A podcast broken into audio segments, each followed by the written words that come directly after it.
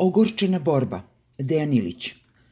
Kako se iz ugla COVID-19 razlikuje odlazak na posao od izlaska u šetnju?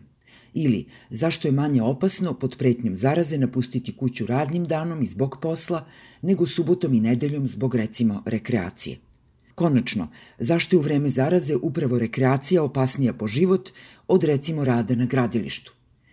Tako je, sve su ovo retorička pitanja i čitalac zna da ili nema razlike ili opasnost veća u prvom slučaju, odnosno manja u potonjem. Pa ipak od nas se traži da vikendom sedimo zaključani, a radnim danima se pravimo kao da je sve u redu. Naravno, čitaocu je već palo na pamet i to da isto pitanje postavi u vezi sa zabranom kretanja svakim danom posle 17 časova – Da se odmah razumemo, ako je verovati brojevima sa lekarskih konferencija za novinare, a ima razloga da se u njih sumnja, o čemu ćemo nešto kasnije, očigledno je da mere daju rezultate.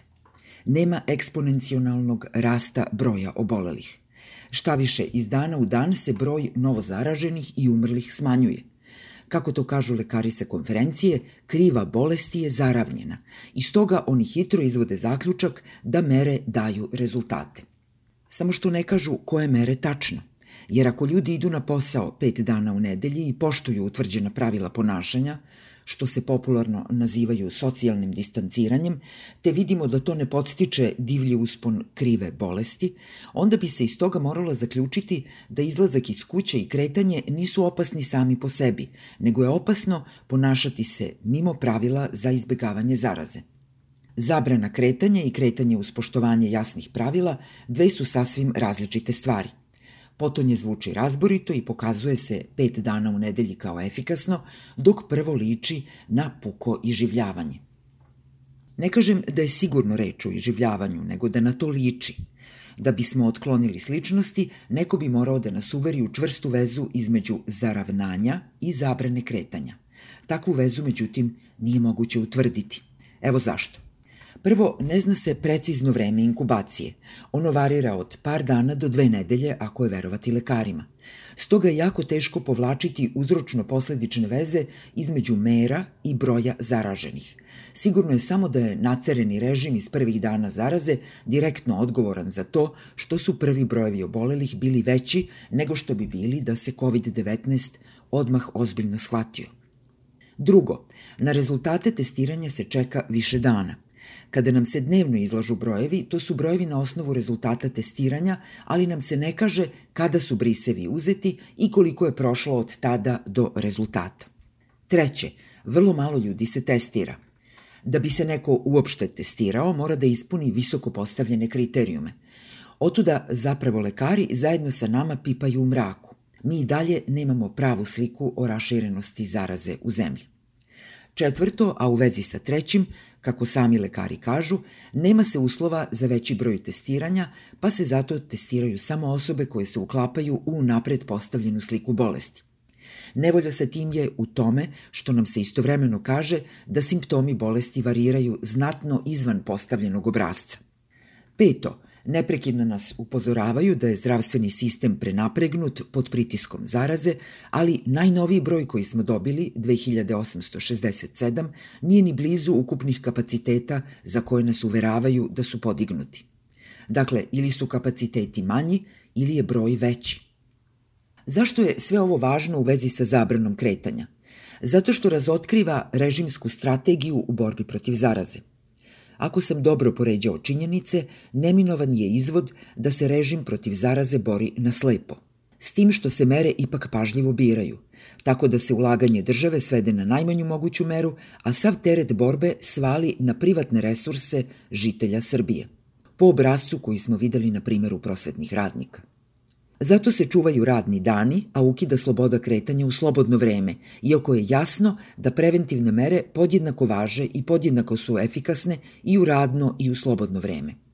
Ovaj pokušaj režima da grdnjama, pretnjama i kaznama isključivo žitelje Srbije i njihove privatne resurse optereti troškovima borbe protiv zaraze, nešto je manje očigledan, ali jednako poguban u ekonomskoj sferi – Ni čitav mesec posle otvaranja fronta protiv COVID-19, režim nije izašao sa uredbama koje bi trebalo da olakšaju život i eventualno sačuvaju poslove takozvanim privatnicima u Srbiji.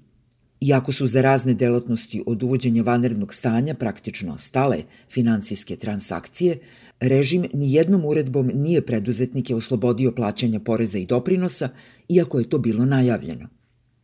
Zajedno sa tim, još se ne donosi odluka o minimalnim primanjima koja bi umesto poslodavaca radnicima isplatila država. Ni to nije sve – Ispred banaka i poreskih uprava otežu se redovi ljudi koji pokušavaju da održe svoje poslovanje i izmire obaveze prema državi, dakle upravo one obaveze za koje je ministar najavio da će biti odložene dok traje vanredno stanje.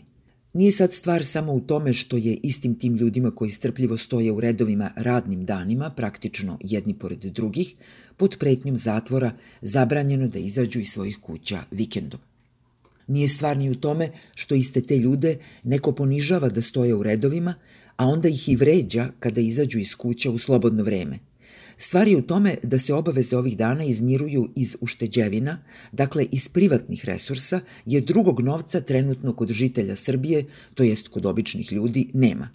To znači da se ovaj režim u ime države nije odrekao ni jednog davanja žitelja Srbije, iako je upravo taj režim uveo mere zbog kojih nije moguće ispuniti te finansijske obaveze.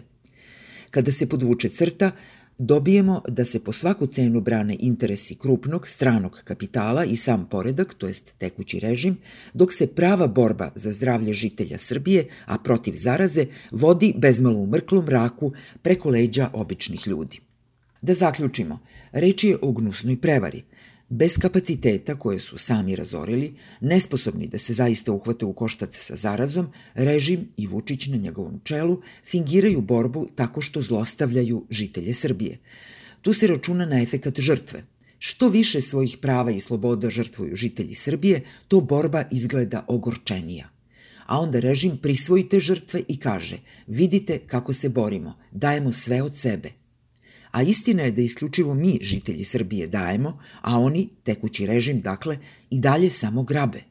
Povrh svega, po svaku cenu bi da tako nastave i kad zaraza prođe.